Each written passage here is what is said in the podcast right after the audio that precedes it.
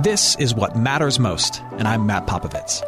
Look, life is crazier than ever, and lots of people, maybe even you, are feeling anxious and overwhelmed.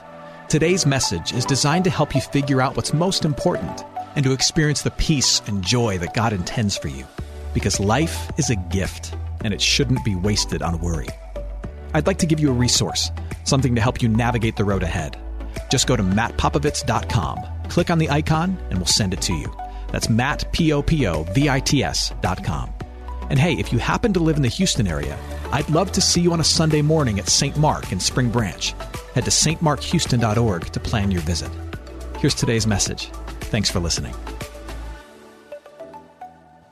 Imagine for a moment that each one of us is walking a road. Each one of us is walking our own particular path. Our own particular path with its own unique ups and downs, twists and turns, hills and valleys. And that particular path that you're on and, and the path that I'm on, it, it determines where we're headed.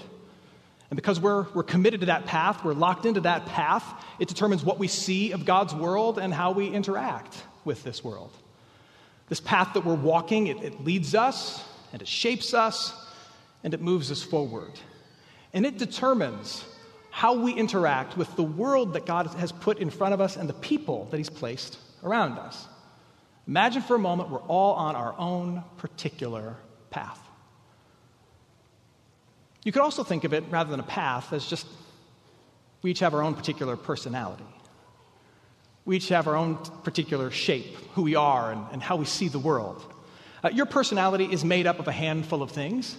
Uh, your personality is made up of, of how you see the world and then how you choose to engage in the world. And how you see the world and how you choose to interact with the world then shapes how you walk through the world. Uh, so, for example, you may see the world as a place of adventure and joy. That's just the, the way in which you see everything. And then you seek to engage the world, trying to discover all the adventures and all the joys. Which means you then walk through the world constantly ready for a party. You know anybody like that? I know a couple of people like that. They're really good friends to have. That would be the, the path that you walk, that would be the, the personality that you have, so to speak. Uh, in this series, we're going to take a look at, at nine different paths, nine different roads that people tend to walk, nine different personality types, you could say, that, that people tend to have. We're going to look at these things and see how they see the world, how they interact with others. And the hope is that we'd not just come to a, a better understanding of ourselves or a better understanding of some of the people around us, uh, but the hope is really this the hope is that we would discern which path, which shape we have, but specifically that we might discern and hear God's word of grace for us and our personality, us and our type, us and the road that we walk. Because what I believe is that when you hear how the message of Jesus Christ is uniquely fit to you, you with all your quirks, you with all the weird ways in which you see the world and interesting ways in which you interact with others, you and the particular road that you're on, that you begin to walk on that road towards something that I call realness, which is experiencing a real understanding of yourself. And most importantly, experiencing the real joy of knowing that you are, you are fully seen and fully loved by God. Whoever you are, whatever your personality, whatever road that you're on. And so, for the next several weeks, we're going to look at these nine roads. These nine particular paths or personality types, however you want to talk about it, that people tend to have. And we're going to start at the top of the list. We're going to start by talking about the road of integrity.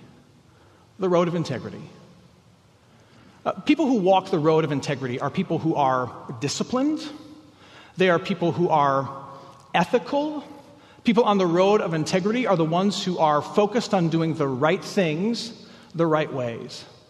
The person who walks the road of integrity, who sees everything through that lens, is intent on doing the right things the right ways, seeing things that are wrong and making them better. They're dependable, they're reliable, and they enhance our world in a thousand different ways, those who walk on the road of integrity. Now, to get a sense on whether or not this is you, if this is your personality, if this is the road that you walk, um, I have I've created a bit of a snapshot for what I think is the, the common inner dialogue, the common inner life, the thinking and the thoughts of someone who walks the road of integrity. And as I read this, I want you to reflect and say, is this me? Is this someone that I know? So listen to this. I try to do the right things the right way. And when I make a mistake, I'm hard on myself. I know how things should be done, and it bothers me when people don't put forth the right effort. When someone cuts in line or misses a deadline or just doesn't load the dishwasher the right way, it angers me. I see most things as black and white. I worry a lot. I struggle to forgive. I never forget. It's tough for me to unwind. All I can think of is the stuff that still needs to be done. People can depend on me, and people love me because they depend on me. I walk with integrity. Those who walk the road of integrity are extremely ethical, profoundly dependable, and they are willing to dive in and do whatever it takes to make things right. We met someone earlier in the service who I would say walks the road of integrity. He doesn't have a name, he's just known commonly as the older brother or the other brother. He's the one who stayed behind and worked the family farm. And while his other brother went and, and just blew up his life on Bourbon Street, this brother stayed behind and he was faithful to the will of the father. This is how he describes himself when he's interacting with his father. Listen in Luke chapter 15 how the older brother on the road of integrity describes himself. He says, These many years I've served you, and I never disobeyed your command. The older brother's identity is wrapped up in the fact that he's never let his dad down. He sees himself, he defines himself as the one who's kept the rules, who's done the right thing, who's never disappointed, and he's supremely proud of that fact. So much so that when his younger brother finally makes his way home after spoiling his father's inheritance in what the Bible calls wild living, and the father throws a party for him, he is upset and he throws a fit out in the field because throwing a party for a reckless child isn't the right way to handle it. It's not the right way to do things. And on the road of integrity, we're all about doing what's right. And after all, the way the older brother has lived, he's the one who is right. Do you know anybody who walks the road of integrity? I think a good way to perhaps gauge if you yourself are on this road is to consider how you respond to the story of the prodigal son. When you hear this famous story of a father who gives crazy amounts of grace to his reckless young child, how does it hit your heart? I mean, most people, when they hear this famous story, their first thought is, after they wipe a tear from their eye, this father is so forgiving. And then there are some people who, when they hear this same story, they wipe a tear from their eye, but for different reasons. They think to themselves, that older brother got a raw deal. If that's your instinct, you might be an older brother. You may be on the road of integrity. You may be one of those people who walks that path, who sees the world through what's right, and you do right, and you always follow through, and you are frustrated with those who don't. Now, if that's you, I want you to know that's okay. These roads that we walk, these paths that we're on, they're not good, they're not bad, they just are. In fact, if you walk the road of integrity, if you're an older brother, if you always do the right thing the right way, you dog the details, you never forget, the world depends on you, we want you to know that we can't live without you. You bring so much blessing and so much good to this world. I think it's, it's, it's safe to say that, that you bring the blessing of stability and security and peace to this world because you always think of all the things and you always do whatever is required to make sure that you and everybody else is satisfied. Again, I jotted down just a list to give you a picture of, of the kind of person that we're talking about. See if this is you. Let me ask you some rhetorical questions. Who made sure there was gas for the generator a week before Hurricane Laura entered the Gulf? You did. Who stayed late to check every slide in the slide deck before your team at work made the pitch to the new investor? You did. You checked every one of them. Who cleaned the house before vacation so that you could come back to a clean house after vacation? You did. Who taught everyone at home how to fold the towels the right way so that everything fits into the linen closet? You did. And you have a heart for justice, too. Who joined the HOA board to start a scholarship program for neighbors who struggle to, to afford their annual fee and who can't afford the rising property taxes? Who started a scholarship program for them lest, lest poorer families get moved out of your neighborhood? That would be wrong, and you're all about what's right. You did. You did that. These are the kinds of things that you do. You walk the road of integrity and you make the road better for us in a million different ways. But here's the thing on every road, even the road of integrity, where you try to do all the things right, there are rocks. There are rocks that you trip over. And there are, there are holes that you can fall into. And this biggest rock on the road of integrity is this. And those of you who walk this road, you know what I'm going to say. The biggest rock on the road of integrity, where it's all about being right, is anger. That's the biggest struggle. Because you want things to be right, and when things aren't right, it bothers you. When somebody cuts in line and gets rewarded for it, it bothers you. When you see people who don't try as hard as you to do the right thing, it bothers you. When you see bad behavior get rewarded, it bothers you. When you, when you encounter someone who doesn't instinctively know what the obvious right thing to do is, like you instinctively know, man, does it bother you and it can make you angry. But here's the thing you also know that anger isn't always right. And because you're about doing the right thing, you don't express it. Instead, what you do is you stuff it way down deep. You push it way down deep where no one can see it. So you can still be right, yet still be angry. But the thing about unexpressed emotion is that it leaks out eventually. And the way it tends to leak out with people who walk the road of integrity is it leaks out sometimes in a cold demeanor. And then that anger that doesn't get expressed, it can turn into resentment. And resentment is this feeling that, that everybody takes you for advantage, takes, you advan- takes advantage of you, overlooks you, and uses you. And so the very people that your righteousness blesses, you start to despise. And that's super toxic to relationships. And you see that with the older brother. Listen to what he says in verse 29. These many years I've served you, and I've never disobeyed your command, he says to his dad, yet you've never so much as given me a young goat. Remember, the dad, the dad sacrifices the fattened calf for the younger brother. That's like the Christmas goose, that's the big thing. But he says, You've not so much as given me like, like cheap hamburger meat for me to go grill with my buddies. You've never even done that. You see the resentment? You take me for granted. I've always followed the rules, and you don't see it. You don't appreciate it. You don't value it. Now, here's another thing to understand about people who walk the road of integrity. Though they get angry, though they can be resentful, and so though sometimes it can, it can seem as though they're a little cold and frustrated and distant, for, for however angry they are at the world, you need to understand that they are 10 times harder on themselves. People who walk the road of integrity, of doing the right thing, they will often talk about having this voice in their head that is constantly reminding them of how they're missing the mark, of how they need to try harder, of the more stuff that needs to be done.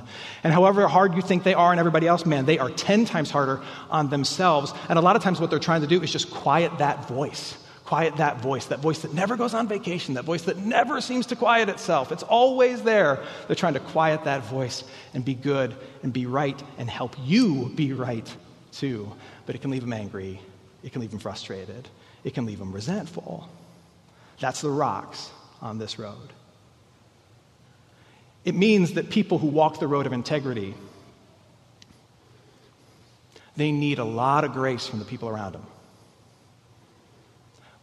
But at times they struggle to perceive that they need as much grace as everybody else. And that's, that's where things turn. That's where growth happens. If they can perceive that they need as much grace as everybody else, and that grace is a good thing to receive, then that's when change happens. I hope you're enjoying today's message. For more of what matters most, you can head to mattpopovits.com. There you'll find other messages. You can support this ministry as well as access your free gift. Oh, and if you're looking for a local church and you live in Houston, come and see what's happening at St. Mark Houston. To plan your visit, head to stmarkhouston.org. Thanks for listening, and back to today's message. Back to the story of, of the prodigal son.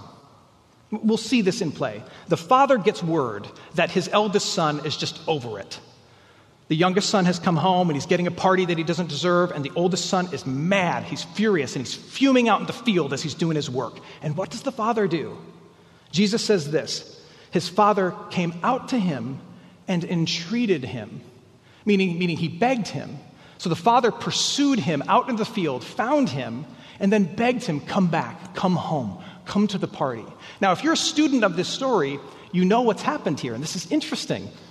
The father has done for the older brother the same thing that he's done for the younger brother. So the younger brother goes off and wastes his inheritance and then he starts to come home. But as Jesus tells the story, it says that while the younger brother was still a long way off, the father saw him and using the same words, went out to him. The father saw him and pursued him and grabbed him and pulled him home. And what happens with the older brother? The older brother is off in a far land of his own. He's out in the field doing the right thing. And the father goes out to him. The father goes out to him too, pursues him and entreats him and tries to pull him home as well. If you're on this road, what you need to understand is that your relationship to the rest of the world is the same as the older brother's relationship to the younger brother. The older brother needed the same amount of grace and mercy from the father as the younger brother did. And the father was willing to give it. And the older brothers, the integrity walkers among us, what you have to come to terms with is the fact that you require the same amount of grace and mercy as the rest of us prodigals. And the Father is willing to give it. You don't have to earn it. You require the same amount of grace as the rest of us. You see, these two brothers had committed the same sin, just in different directions. They were both guilty of wanting the Father's stuff, but not caring at all about the Father's heart. The younger brother wanted the Father's stuff, and so he took it and he went and wasted it by doing bad things. The older brother tried to lay claim to the Father's stuff by staying home and doing good things. But they were both more focused on the Father's gifts than the Father himself. And in both cases, it led to an alienated son who needed to be brought back by the grace and mercy of his Father. Now, if you're on this road of integrity, this is where some of you check out because some people that I love on the road of integrity, they really struggle with the whole concept of grace. They really feel like it's gaming the system, it's getting off easy, it's really, really cheap. And, and what you need to understand is that it's not gaming the system, it's not getting off easy, it's not really, really cheap. It came at a great cost. It came at a great cost to Jesus. You see, Jesus is the one who makes all of this possible. Jesus is the obedient child that you fail to be, though you try so, so hard. He dogged all the details. He has the integrity that you ache for. He has the goodness that you'll never achieve. He's met every expectation, and he came here, and he was the faithful son for you. So faithful that he was the faithful older brother who was willing to throw a party for you who was willing to sacrifice what he had by dying on the cross so that a, a giant tent called forgiveness could be built for the whole world and you are welcomed into it.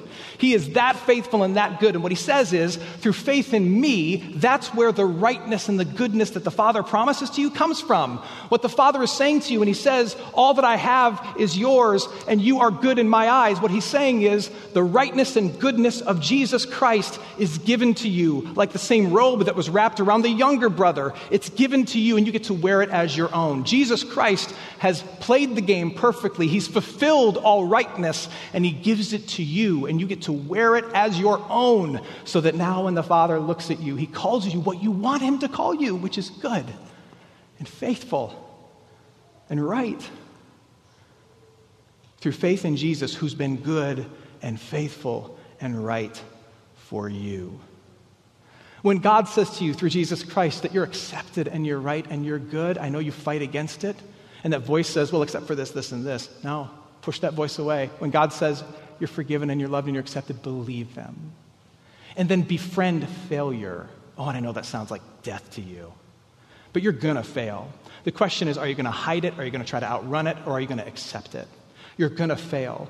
And believe that in your failures, if you befriend them, that there is growth, there is strength, there is goodness, because that's an opportunity to encounter grace and mercy. And grace and mercy from God and from others is where real strength comes from. It's where life change comes from.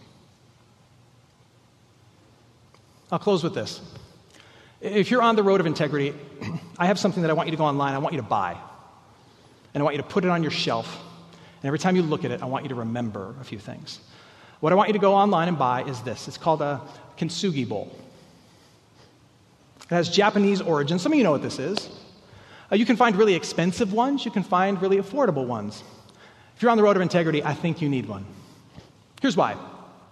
What makes these bowls valuable, what makes them, um, what makes them uh, useful, what makes them strong, is not the fact that they hold stuff really well.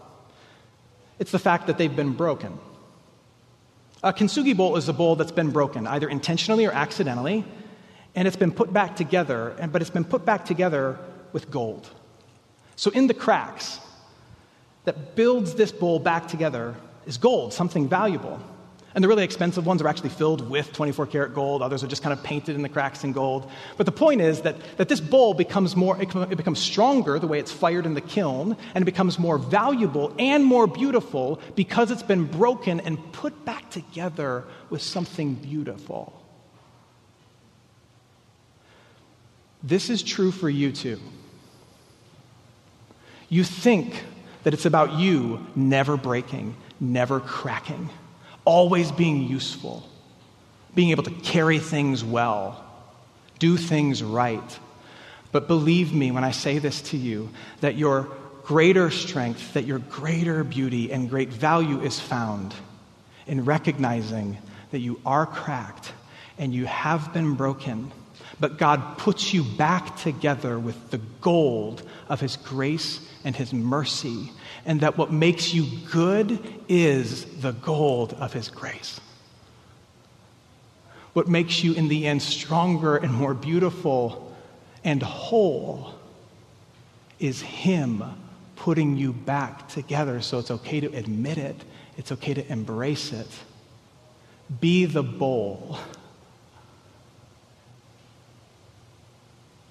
You can't always hold it together